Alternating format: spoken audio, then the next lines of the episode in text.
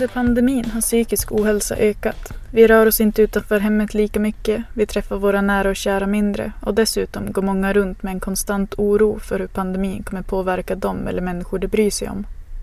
Så i dagens poddavsnitt vill vi prata lite grann om psykisk ohälsa bland unga. Vi bad våra följare skicka in frågor de har om psykisk ohälsa på våra sociala medier.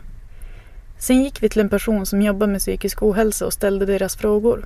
Det här är den intervjun. Då får jag presentera veckans gäst. Varmt välkommen Cecilia till Frizonpodden och veckans avsnitt handlar om psykisk ohälsa. Och vi har ju fått in några tittarfrågor åt dig här som du ska få svara på. Men jag tänkte att först kan du berätta lite grann om dig själv i din yrkesroll och så där så, så vi får en liten bild av vem du är i din yrkesroll. Mm, tack och jättekul att vara här. Jag tycker det är en sån himla bra grej ni gör. Eh, ska nog försöka titta på alla avsnitt själv. Jag heter som sagt Cecilia Wagenius. Jag eh, kommer från en liten by i Härjedalen och eh, jobbar nu på Region Norrbotten på Folkhälsocentrum, så det är en enhet inom regionen. Och vi jobbar med, med folkhälsa. Så väldigt strategiskt breda frågor. Att, ja, men, som mitt sakområde som är barn och ungas psykiska hälsa.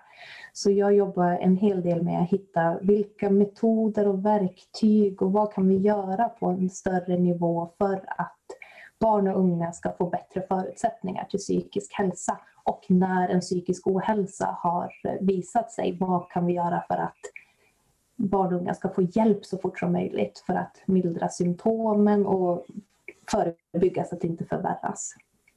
Jag kan ju säga att min bakgrund är, jag är utbildad som sociolog och folkhälsovetare. Så jag är också väldigt då, intresserad av normer och hur vi fungerar i grupp.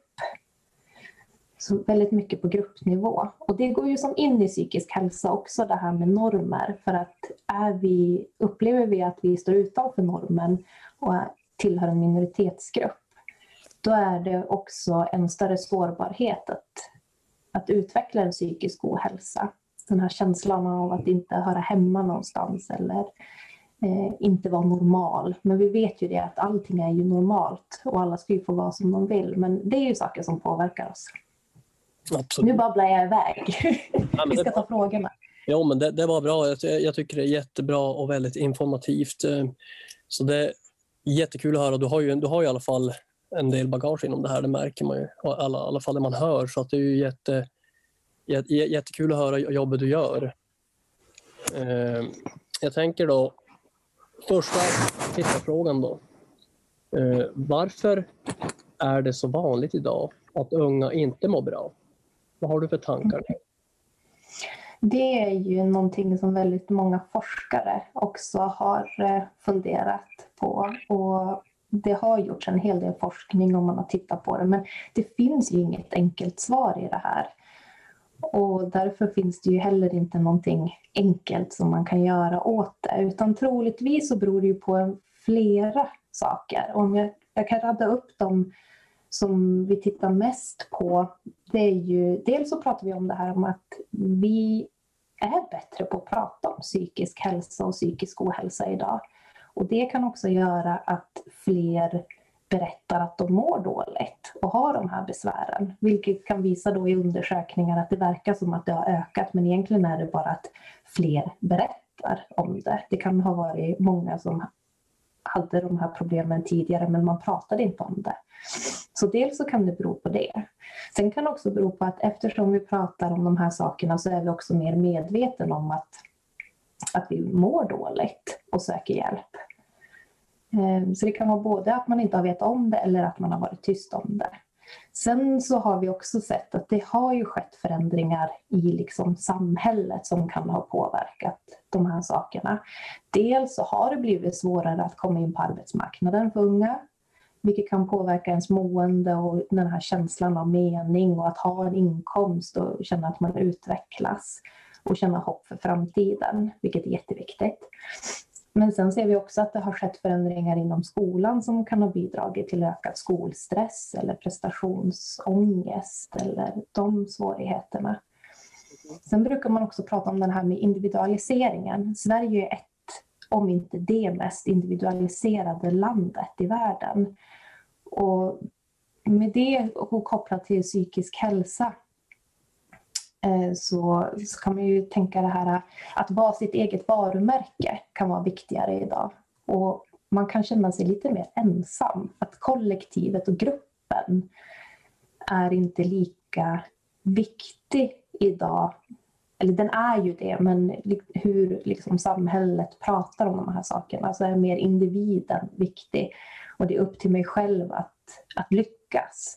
Och då blir det ju också ett personligt misslyckande när jag inte lyckas med att vara den här perfekta personen som man ska vara. Om vi hårdrar det till Instagram-perfektionen.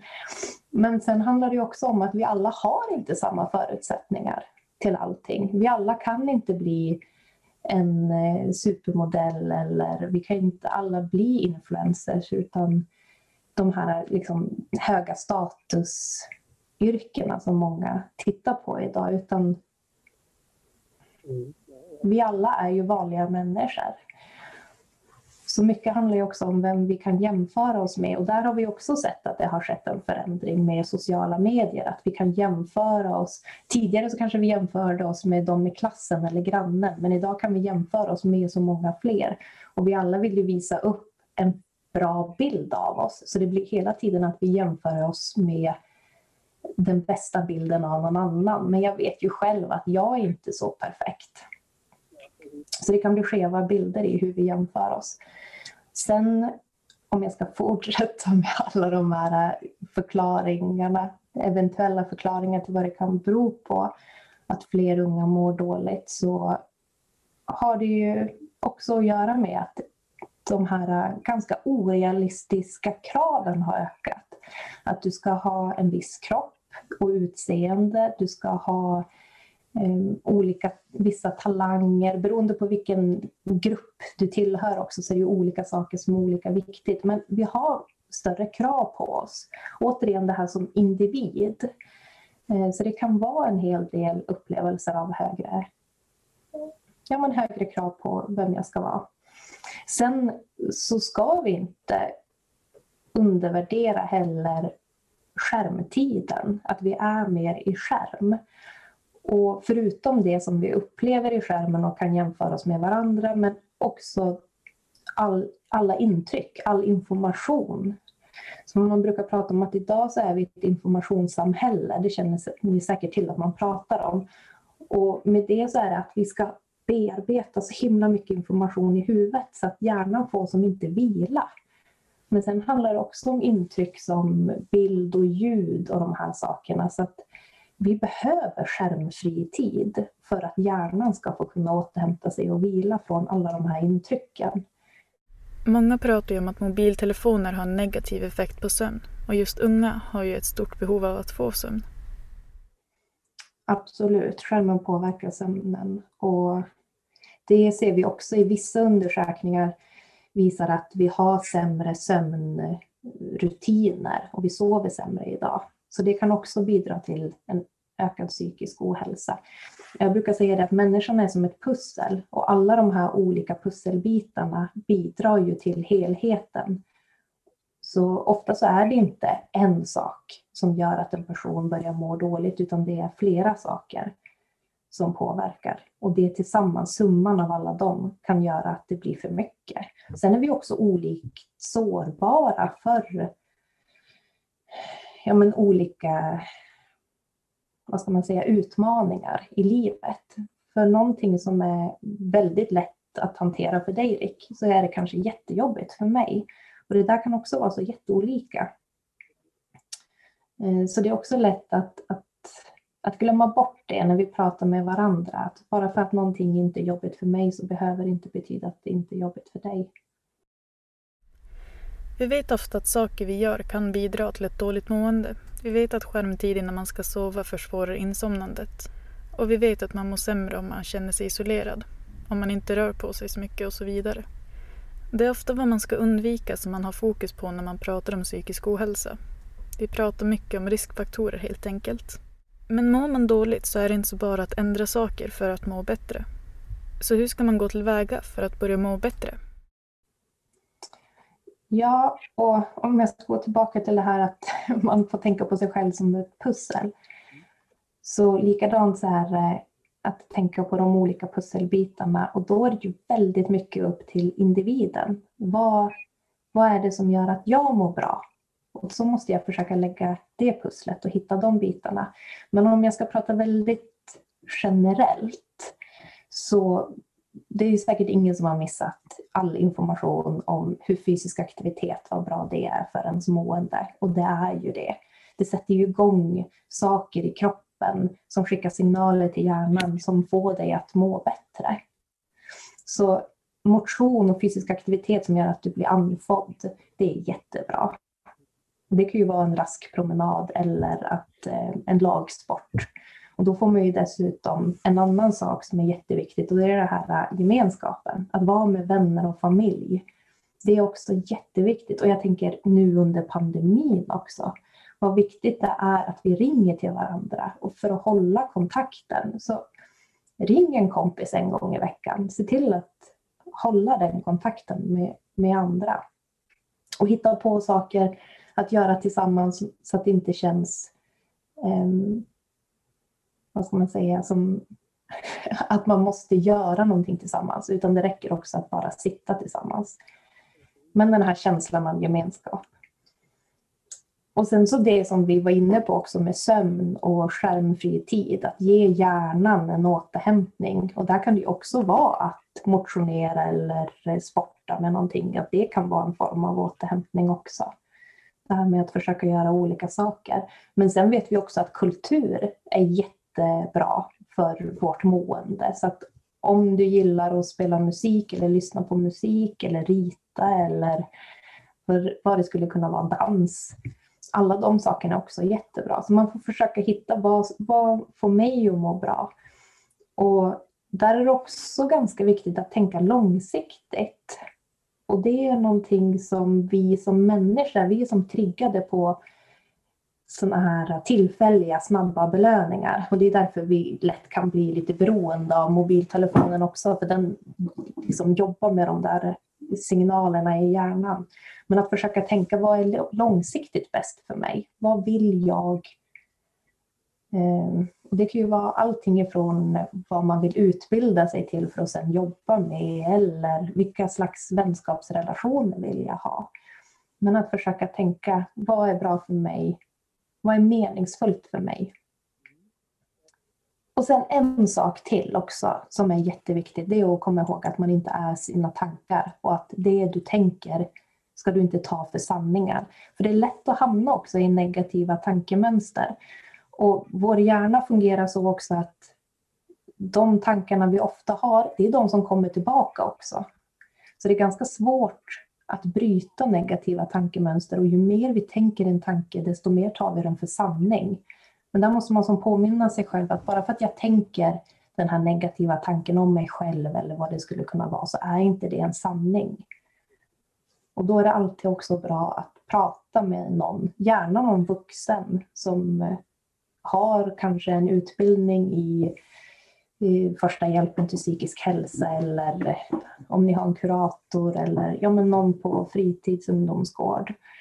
Att prata med en vuxen om sina tankar och sitt mående. För det kan ju hjälpa dig när du mår dåligt men det kan också hjälpa dig att få kontakt med vården om du behöver det. Och där är det också jätteviktigt att aldrig tänka, för det är det väldigt vanligt, att tänka att jag mår inte tillräckligt dåligt för att behöva söka vård. Men att då komma ihåg att ju fortare jag får hjälp att bryta de här negativa tankarna och sådär, desto lättare är det och desto fortare är det att jag kan må bra igen. Det är inte alltid vårt egna mående vi oroas för heller. Vi ser våra nära vänner må dåligt och det är inte lätt att veta hur man ska hantera det. Vad ska man säga och hur ska man agera? Om våra vänner säger någonting till oss i tillit som vi blir oroliga för, kan man gå vidare till någon utan att förstöra den tilliten man har mellan varandra? Finns det något man kan göra för att hjälpa dem? Mm. Och det finns det ju absolut. Och jag tänker där beror det väldigt mycket på vad man har för vänskapsrelationer, vad man är bekväm med själv. Och jag vill ju... Nu vet jag inte, det är säkert en väldigt bredd spann på åldrar också som tittar på det här. Men egentligen oavsett ålder så var inte rädd heller att prata med en vuxen. För vissa saker ska man inte hålla hemligt för det kan handla om liv eller död om det är någon som mår väldigt dåligt. Ehm, men sen, och, och kanske också uppmuntra kompisen att ta kontakt med en vuxen så att man kan få hjälp. Men sen så handlar det ju såklart om att vara en bra kompis. Alltså lyssna utan att... Man brukar prata om att lyssna öppet och fördomsfritt fritt och inte värdera. Så kom ihåg de här sakerna som att bara för att jag känner på ett visst sätt så betyder inte det att någon annan känner på samma sätt utan var nyfiken till varandra. Men, ja, hur upplever du det här eller hur känner du kring det här? Och, och inte lägga åsikter i det som kompisen berättar om utan det den berättar det är ju sin sanning och sin upplevelse och sina känslor och det är ju helt fantastiskt om man kan ha en sån kompisrelation så att man kan dela sådana djupa saker med varandra. Så var tacksam för det och, och, testa gärna det, för det är en ganska häftig känsla att saker med någon och ha den, den anknytningen. Sen så tänker jag bara göra roliga saker tillsammans och finnas där. De som mår dåligt, de brukar ofta dra sig undan. Så då handlar det väl mycket om att finnas kvar som en kompis. Även om någon verkar dra sig undan dig, att kanske kontakta och, och visa att du finns kvar när den är redo att prata.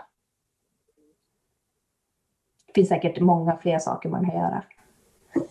Det, det gör det säkert, absolut. Men det, jag tycker ändå att det, det är bra svar och det är nyttigt. Och, och man reflekterar ju själv när man hör på det du säger. Liksom, och man har ju själv varit i den åldern där man, ja, man hade inte så, så koll på liksom ens hur man mådde i princip. Så, så att, eh, veta om att man mår dåligt och vad man behöver. Det är inte så lätt. Liksom. Vad för typ av hjälp och hur man går tillväga för att få den hjälpen också. Det är ju också en ganska intressant fråga. Eh, vad kan jag göra om det är skolan som får mig att må dåligt? Mm. Och det tänker jag, det är ju, det är ju ganska vanligt vad vi kan se i i olika intervjuer och enkätundersökningar så är det ofta skolan som skapar stress eller att man kanske är utsatt på skolan, att man inte vill gå dit för att eh, man är mobbad eller på andra sätt inte känner att det är en trygg miljö. Eh, och jag kanske inte är rätt person att svara på det eftersom jag inte arbetar inom skolan. Men jag tänker att det finns väldigt många in, inom skolan som kan finnas till hjälp.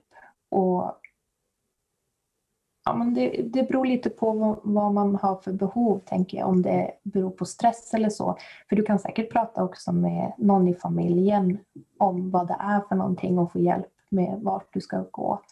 Men sen så finns det ju en elevhälsa som kan hjälpa dig. Om vi, om vi säger att det beror på stressen så kan du få hjälp av lärare och elevhälsan att lägga upp en plan. Ja, men hur ska jag lägga upp min skol, eh, mina skoluppgifter för att det ska fungera för mig? Men sen så tänker jag att det finns så många andra vägar också. Och elevhälsan består ju av flera olika yrkesprofessioner. Så där kan man ju få hjälp beroende på vad det handlar om så kan du ju få bli hänvisad till olika professioner. Det finns ju eh, specialpedagoger och det finns ju kuratorer och det finns eh, skolsköterskor, det finns också skolpsykolog. Så det finns ju en mängd olika hjälpresurser och de finns ju där för eleverna. De finns ju där för att hjälpa elever genom skolan. Och det är ju jättebra att komma i kontakt med dem så tidigt som möjligt. Man behöver inte ha liksom, väldiga problem utan det kan vara när du, när du känner att du behöver bolla någonting med någon och få styrning och hjälp och stöd så finns ju de där. Sen kan det ju också finnas andra vuxna på skolan som kan vara ett första steg och sen kan de hjälpa dig vidare. Det finns kanske någon, om ni har en kafeteria där det finns en vuxen som man har en bra kontakt med eller en lärare eller någon annan. Ja, så är det ju. Alla, alla har väl olika känslor kring skolan och skoltrött och motivation och så vidare. Så att det, så att det finns väl säkerligen bra lösningar man kan lösa tillsammans med både lärare, studievägledare kan jag tänka mig och ja, men, kurator. Mm. tycker jag är jättebra faktiskt när man ser det. Men det är ju det och just det här då får ju de som behöver en specifik anpassning kan få den. För det här, återigen det här med normer och att stå utanför normen eller inte, så som skolan är skapad, det, det är inte optimalt för alla. Du, det, många behöver ha det upplagt på ett annat sätt och det är inget konstigt med det, för vi fungerar olika. Men sen så är skolan upplagd på ett sätt som fungerar bra för de flesta, men inte för alla. Och för de som är less, och det kan ju också vara att man har, man har det tufft på andra sätt, att du kanske har det jobbigt hemma eller någonting och det påverkar koncentrationen på skolan. Så det finns ju många olika anledningar också till att man kanske behöver få det lite individanpassat för just för mig, vad som funkar för mig här och nu. Men där är ju utbildning så himla viktigt också, för det är ju hälsofrämjande. Det, det ser vi ju att de som klarar skolan och går ut med godkända betyg, de har också eh, en bättre, de är bättre rustade, eller man ska säga. De har som ett skydd för att, eh, att få en psykisk ohälsa senare i livet. Så att ha en utbildning, det är, det är jätteviktigt och därför behöver vi också alla hjälpas åt för att alla ska trivas bra i skolan och klara av den. Om ni inte redan följer oss på sociala medier så kan jag rekommendera att göra det. När vi planerar att prata om något eller undrar om vad ni som lyssnar är intresserade att höra av så lägger vi ut frågor på händelser där ni kan komma med egna åsikter eller frågor.